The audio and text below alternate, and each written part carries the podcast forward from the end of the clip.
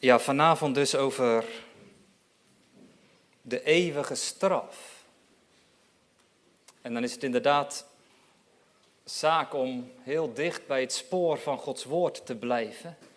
En vandaar dat ik vanavond drie gedeeltes wil lezen uit de Bijbel.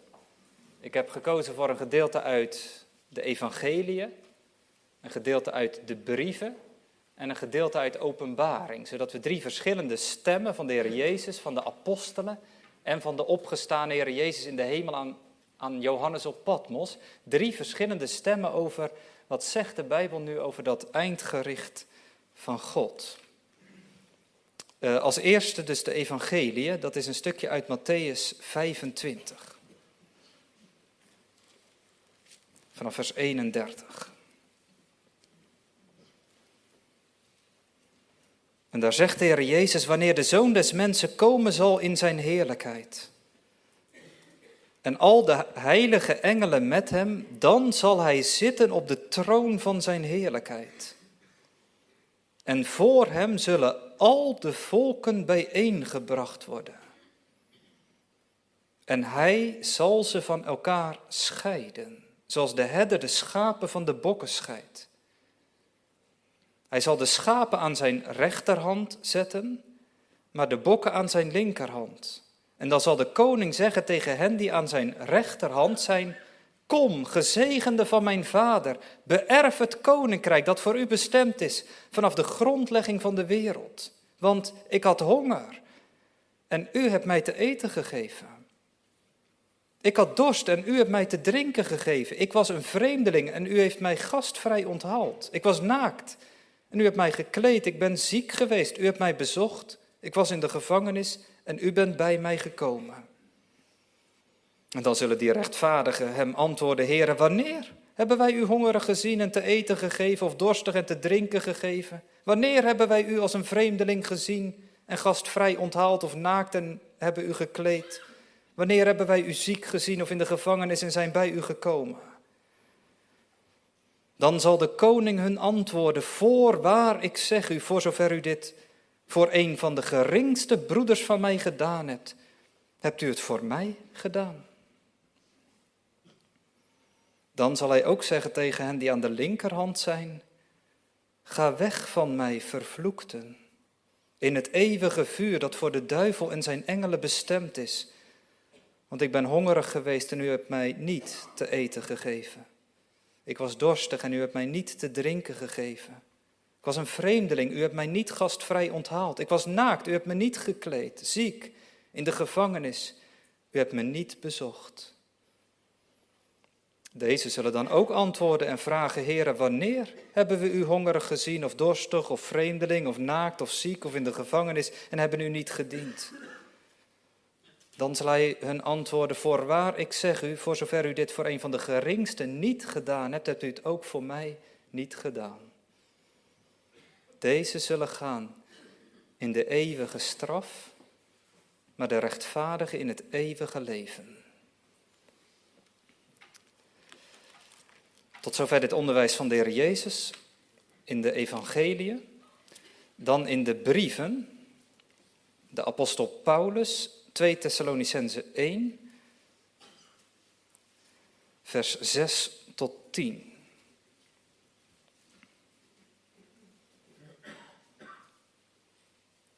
Twee Thessalonicense 1 vanaf vers 6.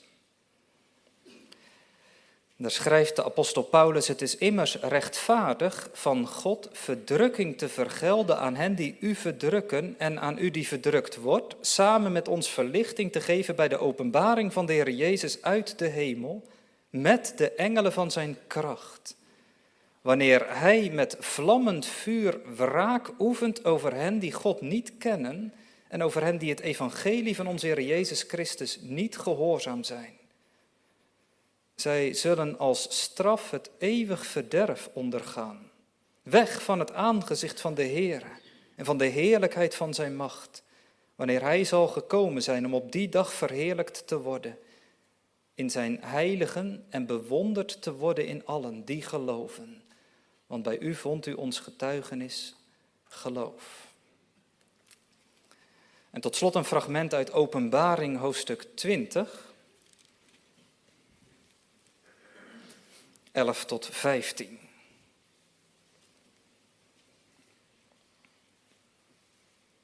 Openbaring 20 vanaf vers 11.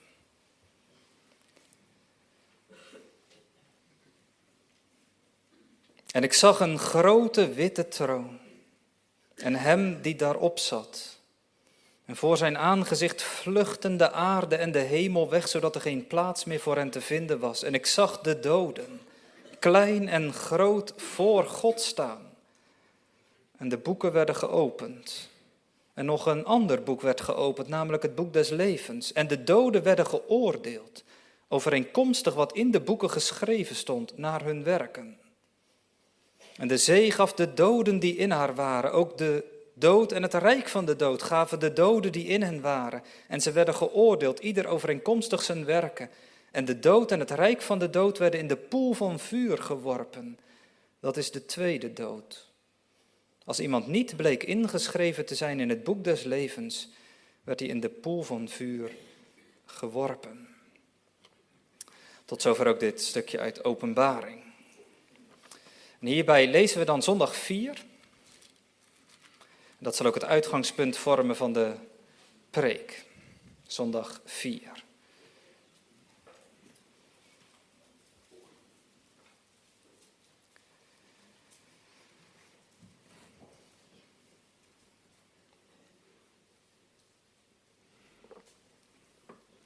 En dan lezen wij deze zondagsafdeling. Doet dan God de mens geen onrecht als hij in zijn wet van hem eist wat hij niet doen kan? Dan zegt het antwoord nee, want God heeft de mens al zo geschapen dat hij dat doen kon. Maar de mens heeft zichzelf en al zijn nakomelingen door het ingeven van de duivel en door moedwillige ongehoorzaamheid van deze gave beroofd. Wil God dan de ongehoorzaamheid en afval ongestraft laten? Nee, geen zins. Hij vertorent verschrikkelijk, beide over de aangeboren en werkelijke zonde, en wil die door een rechtvaardig oordeel tijdelijk en eeuwig straffen. Gelijk hij gesproken heeft, vervloekt is een ieder die niet blijft in al hetgeen geschreven staat in het boek van de wet, om dat te doen. Is God ook niet barmhartig? God is wel barmhartig, maar hij is ook rechtvaardig. En daarom zo eist zijn gerechtigheid dat de zonde, welke tegen de allerhoogste majesteit Gods gedaan is, ook met de hoogste, dat is met de eeuwige straf aan lichaam en ziel, gestraft worden. Na de preek zingen we Psalm 32, het eerste vers. Welzalig hij wiens zonden zijn vergeven, die van de straf voor eeuwig is ontheven. Psalm 32, het eerste vers, straks na de preek. Uitgangspunt is dus zondag 4. En die wil ik vanavond redelijk op de voet volgen. Zondag 4, vraag 19 en 11.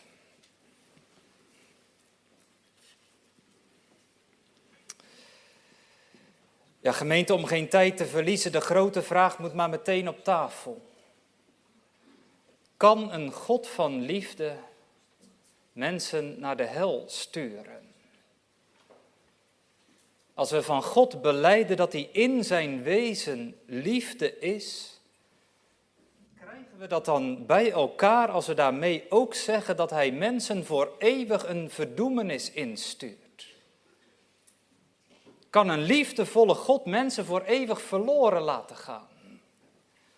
Dat is de moeilijke vraag die de catechismus vanavond op tafel legt. En het is een van de allermoeilijkste vragen van het hele christelijke geloof. De vraag naar de straf, het oordeel, de toren van God over alle ongeloof. Het is in ieder geval voor buitenstaanders, voor niet-kerkelijke, niet-gelovigen, een van het meest aanstootgevende element van het christelijk geloof. Wat als dat waar is? Velen vandaag de dag vervult het met een gevoel van afschuw dat christenen beleiden, weldenkende mensen anno 2023, een eeuwige straf voor mensen die niet in de Heer Jezus geloven. Laten we vanavond niet al te veel naar andere wijzen, ook bij onszelf. Wat kan het bij ons oproepen? Ook als je gelooft dat het onderwijs van de Bijbel op dit punt helemaal reëel is en waar, dan nog grijpt het je niet eens aan. Dan voel je vanavond ergens ook wel iets. Je kunt enkel met, met een lichte huiver spreken over dit leerstuk. Ook als je gewoon denkt aan al die mensen om je heen. Hoeveel wandelen er zonder heiland? Ver weg, dichtbij. Nogmaals, we mogen vanavond wel in alle zorgvuldigheid en liefde de schriften naspreken. Want, hoewel het een moeilijke vraag is, het is ook een vraag die de zaak op spanning zet. Want als het waar is, een eeuwige straf, als het waar is, dan staat de zaak vanavond op hoogspanning. Dan hebben we het nu niet meer over een, een leerstelling, maar over een bestemming. Twee wegen, twee uiteinden. Dat je kunt wandelen op de brede weg richting eeuwig verderf of op de smalle weg richting de eeuwige heerlijkheid. En dat het vanavond één van beide is. Nou, het is denk ik goed om daarom vanavond de vraag naar het eeuwige oordeel, de straf, de hel, is eerlijk onder ogen te zien. En de catechismus die doet dat eigenlijk best wel bijzonder. Want hoewel het al een heel oud geschriftje is, lijkt het wel alsof de vragen van toen gewoon helemaal levend en, en springlevend vandaag zijn. De catechismus die, die denkt na over die eeuwige straf en dan plaatsen ze drie vraagtekens. Die vandaag geschreven zouden kunnen zijn. Laten we ze gewoon eens langslopen. Het eerste vraagteken dat de catechismus zegt is: Vraagt God niet te veel van ons? Als God mensen straft vanwege zondig gedrag, ja, is, is, is God dan wel realistisch in wat hij van ons eist? Vraagt God niet gewoon te veel van ons mensen? God is de schepper van alle dingen. Had hij de norm, de eis niet gewoon iets lager kunnen leggen? God vraagt van ons om elkaar volmaakt lief te hebben. En God lief te hebben boven alles. De tien geboden, hij vraagt van ons om die volmaakt te houden en het lukt ons niet. Nou ja, en als je zegt, nou ja, het lukt je een keer een weekje niet, een aantal, dan zou je nog kunnen zeggen, ja, vooruit. Maar als nou voor ieder mens geldt, elke week opnieuw, we halen het niet, dan is dit natuurlijk best een terechte vraag. Vraagt God dan niet iets te veel van ons, als het ons niet lukt? laten we even als een, eh, een voorbeeldje, een verkeersregel. Ja, de bedoeling van een regel is dat in ieder geval het grootste gedeelte zich daaraan kan houden. Anders heeft een regel geen zin. Stel je voor dat je een, een tentamen hebt of een toets hebt en er staat 50 minuten voor.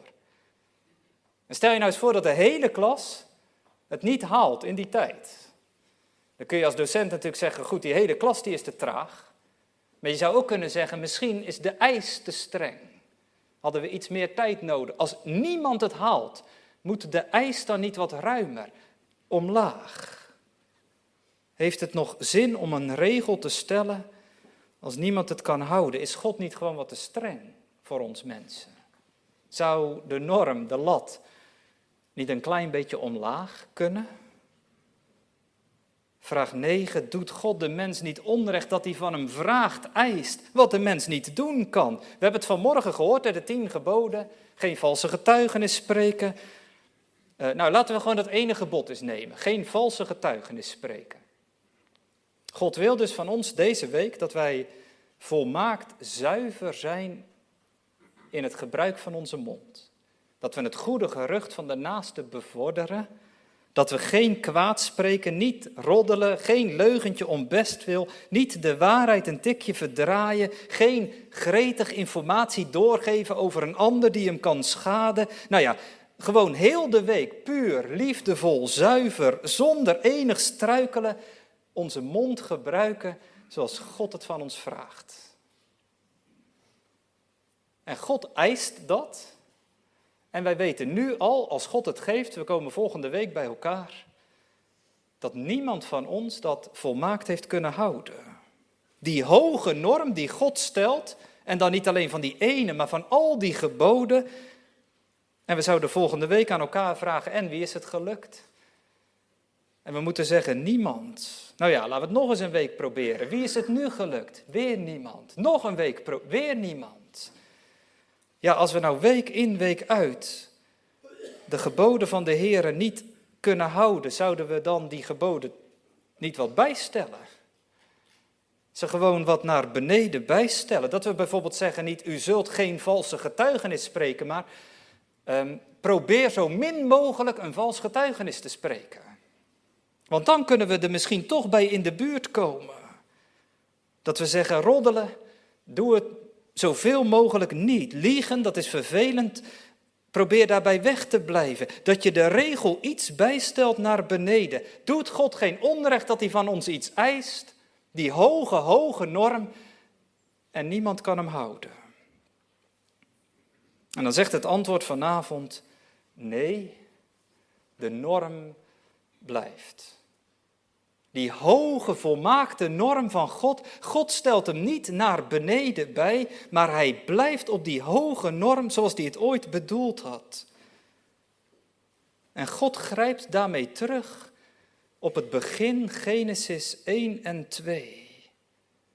Het einde van het antwoord zegt, ooit kon de mens het namelijk wel. We hebben onszelf van die gave beroofd door de ingeving van de duivel. Dus met andere woorden, Adam en Eva konden die wet van God nog wel volmaakt houden. We hebben zelf ons die gave laten afnemen en sindsdien lukt het niet meer. En toen had God kunnen zeggen, Genesis 3, de zondeval, nou ja, nu de mens het niet meer lukt, nou kan ik de norm naar beneden bijstellen. Maar dan zou God dus meegaan in die val van de mens meegaan in die duisternis die zijn intrede doet in deze wereld. En daar zit de kern van het punt. Toen de mens in zonde viel, toen zou je kunnen zeggen, Gods verlangen voor deze wereld, waarom hij de mens schiep, naar zijn beeld en gelijkenis, waarom hij de mens dat eeuwige geluk wilde geven hier op aarde, dat lag helemaal uiteen in stukken. Nou, dat hebben we vorige week gehoord. Maar God heeft ergens dat oude ideaal altijd vastgehouden. God heeft zich nooit neergelegd bij de donkerheid, zonde en duisternis die zijn, die zijn intrede heeft gedaan in de wereld. En God is altijd die mens blijven opzoeken en die hoge, voor de zondeval, die norm van, voor, van, van het paradijs. Hij is die norm blijven houden. En God heeft gezegd, eenmaal komt die wereld van het paradijs weer terug. Een volmaakte nieuwe hemel en een nieuwe aarde, omdat dat God zelf is. In God is geen onrecht. God is één en al heilige zuiverheid. Als er één iemand is waarbij geen enkel onrecht te vinden is, dan is het God. En God heeft dat visioen van het paradijs vastgehouden. En daarom kan God de norm niet wat naar beneden bijstellen. Nee, want God kan de duisternis de zonde, de ongerechtigheid niet zien. Door de ingeving van de duivel en de moedwillige ongehoorzaamheid heeft de mens zichzelf van deze gave beroofd. En wat is nou het beste wat een mens kan doen als je bij jezelf ontdekt? Ik haal het niet, week in, week uit. Nou, dat gewoon eens tegen de schepper zeggen. Heer, het lukt me niet. Ik ben uw gramschap dubbelwaardig. Wij zijn van het helspoor afgegaan. Wij en onze vaderen tevens. We gaan niet u, maar ik moet mezelf de schuld geven. Als het gaat om het niet houden van de geboden. Dat is het eerste vraagteken.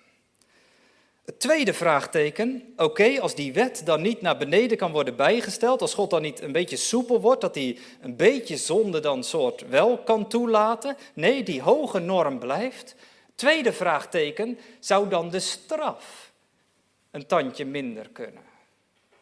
Zou die straf van God dan misschien niet wat kleiner en zachter kunnen? Of misschien wel helemaal weg? Zou God het misschien helemaal niet kunnen straffen? En de catechismus antwoordt meteen: nee, want we hebben tijdelijke en eeuwige straffen verdiend. Nou, ik denk dat het duidelijk is dat in de christelijke wereld er verschillende antwoorden gegeven worden om die eeuwige straf van God toch op een bepaalde manier anders in te vullen. U weet misschien wel in de Rooms-Katholieke Kerk hebben ze tussen hemel en hel een derde weg, de weg van het vage vuur. En Het overgrote deel van de mensen, volgens de leer van de Rooms-Katholieke Kerk, komt niet zozeer in de hel of in de hemel terecht, maar die komt in de eerste instantie in het vage vuur terecht. Dat is een toestand van pijniging, van lijden. En al naar gelang hoeveel je hebt gezondigd, ga je korter of langer daarna over naar de hemel. De hel, dat is voor de meest verschrikkelijke. De hemel, dat is enkel voor de meest heiligen. En de meeste gewone mensen, zo gezegd, die komen een tijd, langer of korter, in, de, in het vage vuur terecht en pas daarna eventueel naar de hemel. Andere theologen zeggen, de hel, dat is, dat is gewoon eeuwig verdwijnen. Dan is de mens gewoon verdwenen. Dan is er geen herinnering, geen bewustzijn. De mens is is er gewoon niet meer. Net zoals je er niet was voor je geboorte. Dat is ook een duizelingwekkende gedachte trouwens. Er is een tijd geweest dat je er gewoon helemaal niet was. Niets van jou was er nog. Voordat je geboren was, voordat je in de moederschoot geformeerd werd, was er niets van jou. Was er ook nog helemaal geen gedachte dat je zou komen. En die zeggen, de hel dat zal uiteindelijk weer zo'n zo'n eeuwig verdwijnen zijn in het niets. Anderen zeggen de hel dat is een louteringsproces. Dat lijkt wat op de leer van het vage vuur, maar dat wordt dan niet zo genoemd. Een louteringsproces waarin de zondaars als het ware gelouterd worden om uiteindelijk toch naar de hemel te kunnen. Weer anderen zeggen, de hel is niet eeuwig. De hemel, de hemelse heerlijkheid, dat is van eeuwigheid tot eeuwigheid. De hel, dat is tijdelijk. En daarna zal het verdwijnen in het niets. En nog weer anderen, bijvoorbeeld de bekende professor Berkhoff, die zei, ik hoop dat de hel leeg is. Hij zei, als we de Bijbel lezen, kunnen we er niet onderuit dat er een hel is, maar ik hoop maar dat die helemaal leeg is. Dat er niemand is. Ja, ik denk dat we allemaal wel meevoelen hoe begrijpelijk deze wegen en uitwegen zijn. En toch vanavond moeten we in alle eerlijkheid zeggen, het is niet de taal van de Bijbel. Om op zo'n manier over de hel te spreken. In Matthäus 25, het onderwijs van de Heer Jezus, we hebben het met elkaar gelezen, plaatst hij de eeuwige straf en de eeuwige heerlijkheid helemaal op één lijn. Hij spreekt niet over de hel als een tijdelijk iets en, en de hemelse heerlijkheid als een eeuwig iets. Nee, hij spreekt helemaal hetzelfde over de eeuwige dood en het eeuwige leven. Maar ja, de catechismus blijft er toch even bij. Misschien straft God niet. Of misschien straft God minder. Moet God met die hoge, hoge straf komen? En dat is ook wel een terechte vraag, want je straft naar de mate dat iemand een overtreding heeft begaan. Als ik een beetje vervelend ben en ik uh, uh, loop naar buiten toe en ik ga bij de fietsen een paar banden lek prikken. En ik zou daarvoor worden opgepakt. Stel je voor dat ik dan zou worden berecht en ik zou horen 15 jaar gevangenisstraf.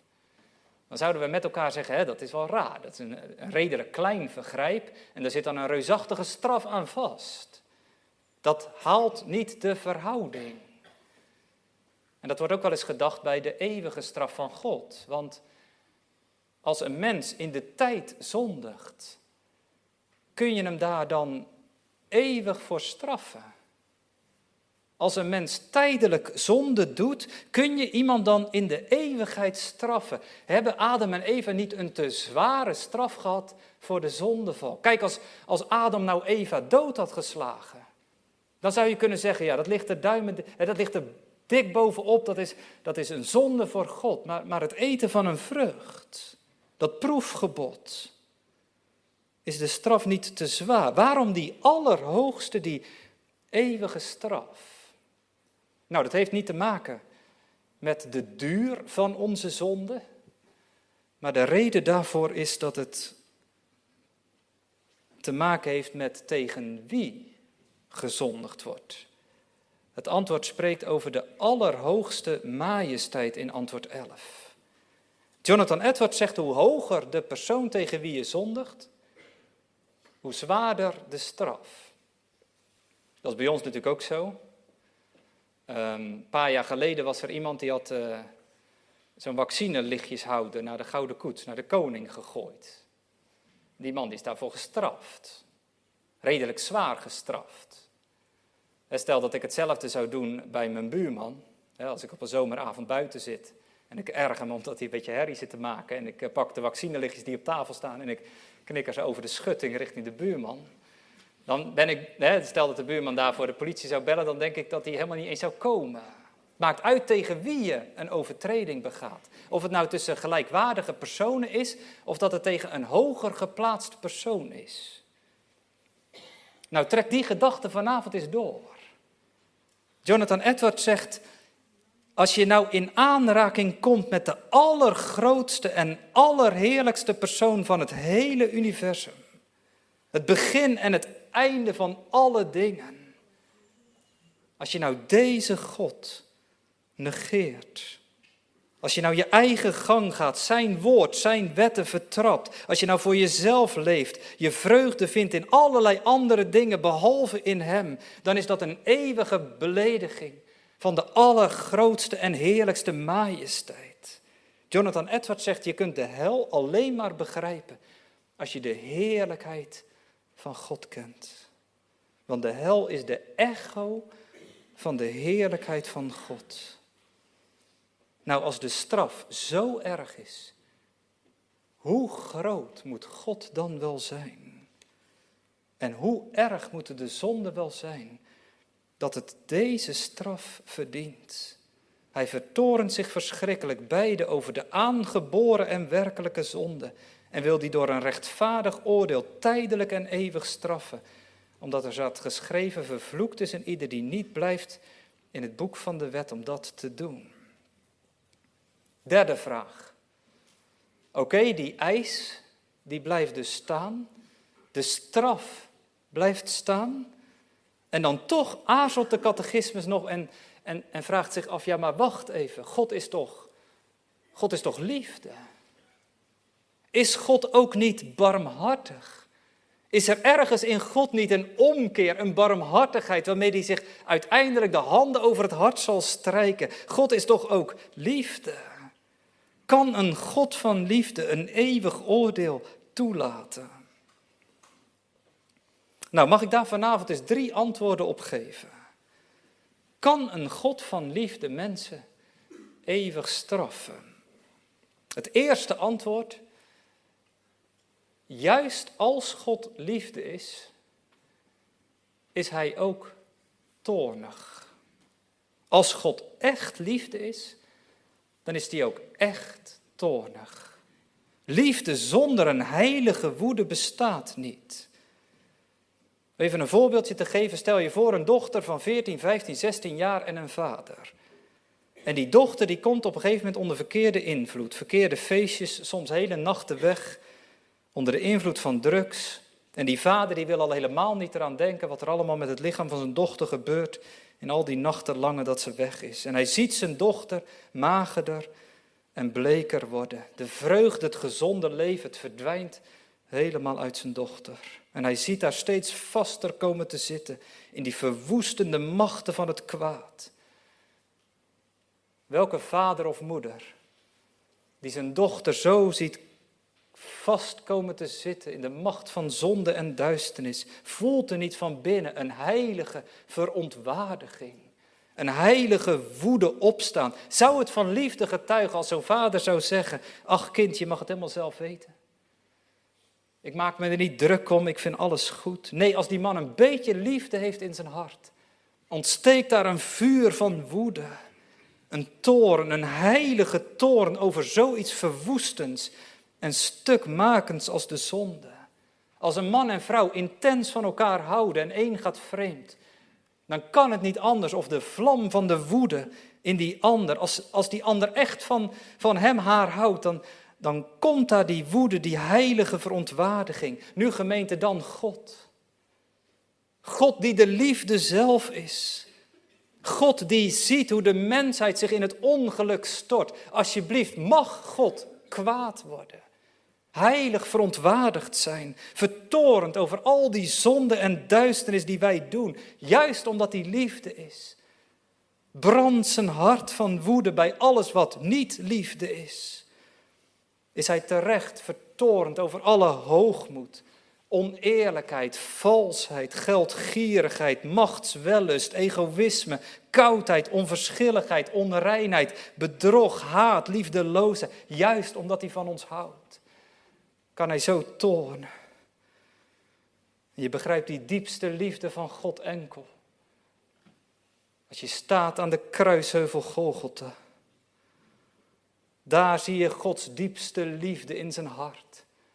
Zo vertorend is hij over alle zonde en duisternis, dat zijn zoon de dood moet sterven om het recht te krijgen. In de Bijbel zie je die profeten en apostelen die het meest hartstochtelijk over de liefde van God spreken. Een Hosea, een Johannes. En juist bij die apostelen en profeten zie je het vuur van de woede. Gods toren op het meest fel verwoord, dat hartstochtelijke. Juist omdat God liefde is, is hij zo vertorend over alles wat niet liefde is. Dat is het eerste antwoord. Tweede antwoord. God is ook rechtvaardig. Gods barmhartigheid en Gods rechtvaardigheid zijn niet twee dingen die je even tegen elkaar kunt uitspelen. Zo van, nou ja, en dat, dat voert dan de boventoon. Nee, dat is één en dezelfde God. Is God ook niet barmhartig? Jawel, maar hij is ook rechtvaardig. God is de rechter die het beslist. Alle verraad, hebzucht, lafhartigheid, we kunnen er niet mee wegkomen. God is recht. Er komt een dag dat hij je aanspreekt op al die daden, al die woorden, alles wat gedaan is. Hier wordt het recht wel eens vergeten, maar God komt erop terug. God is rechter. Ik moest even denken, ik hoorde onlangs het verhaal van iemand die uh, was in een Rooms-Katholieke kerk uh, geweest met vakantie, een kerkje binnengestapt en een rondje gelopen in die kerk. En die zag op een gegeven moment in die Rooms-Katholieke kerk die, ja, die kasten, die biechthokjes, hè, van die donkere houten kasten. Nou, misschien heb je het wel eens gezien. En als protestant was hij natuurlijk een beetje nieuwsgierig, dus hij loopt daar naartoe en hij doet een van die biechthokjes, uh, die deur open om eens te kijken van hoe ziet dat er van binnen uit. En toen zag hij dat biechthokje, dat staat vol met stoelen opgestapeld en dozen enzovoort. Dat werd als een opslagkast gebruikt. Nou, de koster die zag dat hij die kast had open gedaan en dat hij erin keek, die kwam aanlopen. En die man die vroeg aan de koster, zo, het biechthokje, wordt dat niet meer gebruikt uh, misschien? En toen antwoordde die koster een klein beetje cynisch, hij zegt, doen de mensen nog zonde dan? Doen de mensen nog zonde? Als het gaat over de rechtvaardigheid, wordt het vandaag de dag soms bijna omgedraaid. Zo van, nou, als we voor de rechterstoel van God komen, dan heb ik God nog wel het een en ander te vragen. Hoe kon hij dit toestaan?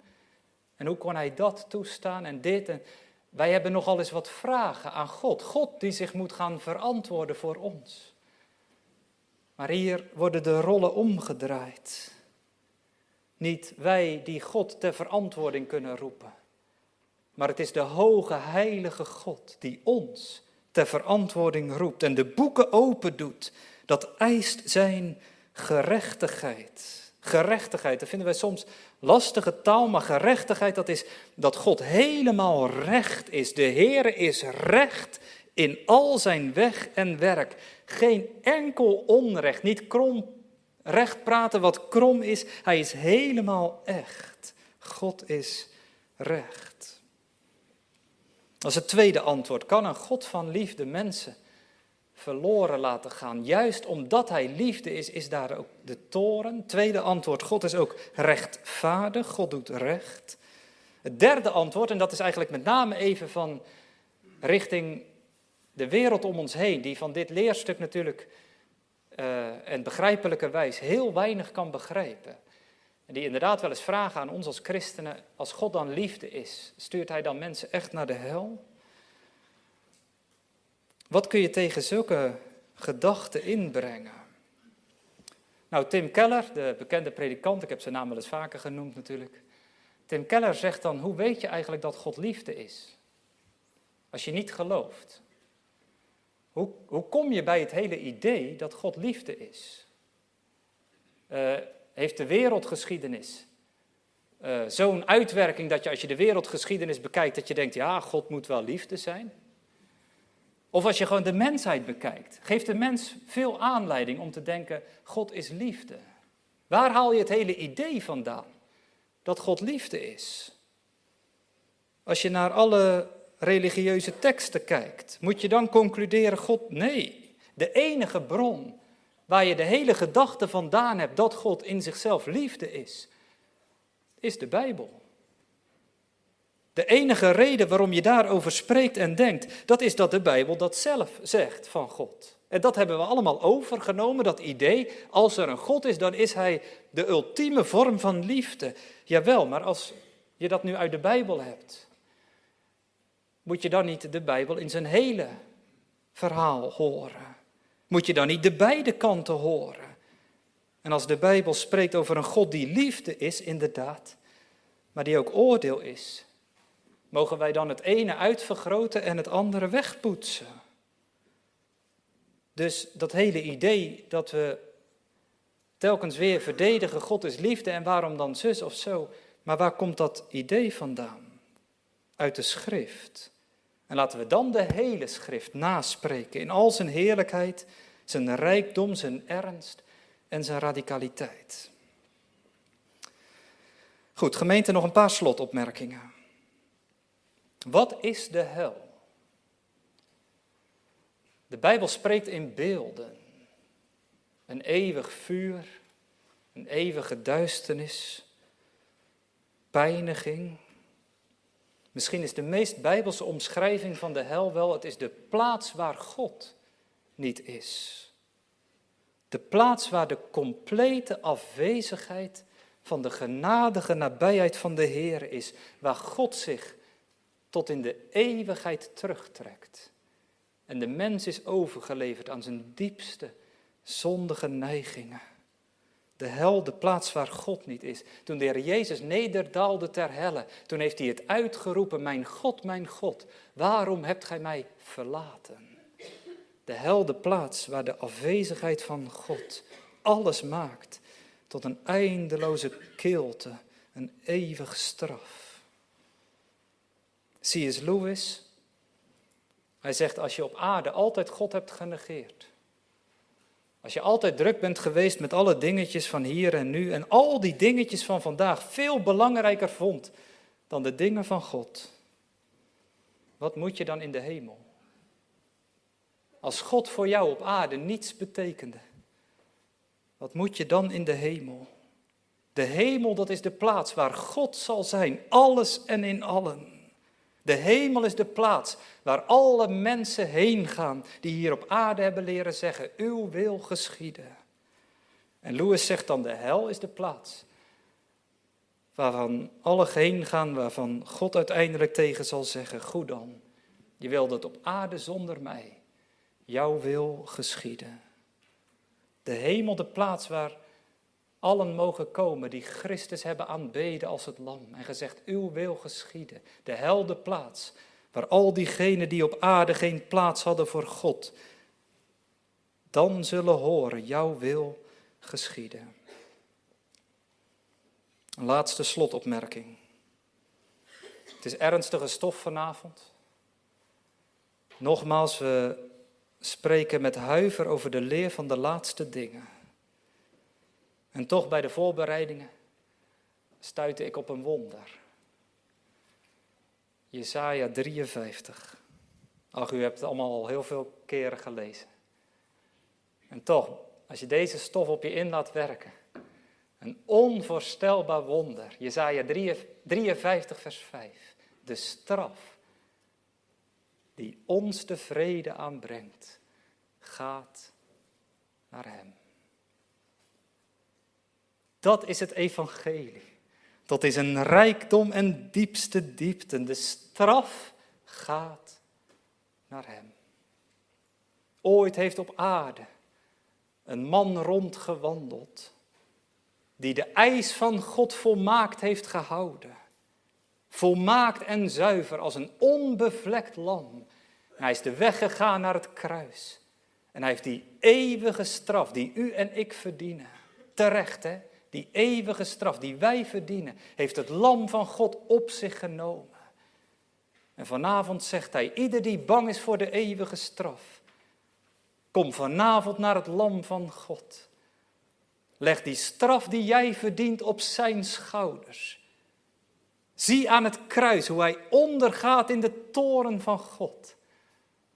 En hoor het hem uitroepen, het is volbracht. Alle schuld is betaald. De straf die u de vrede aanbrengt. De straf die jou vanavond de vrede aanbrengt. Gaat naar hem. En zijn striemen zijn jouw genezing. Dan ben je van de straf voor eeuwig ontheven. Dankzij het lam. Amen.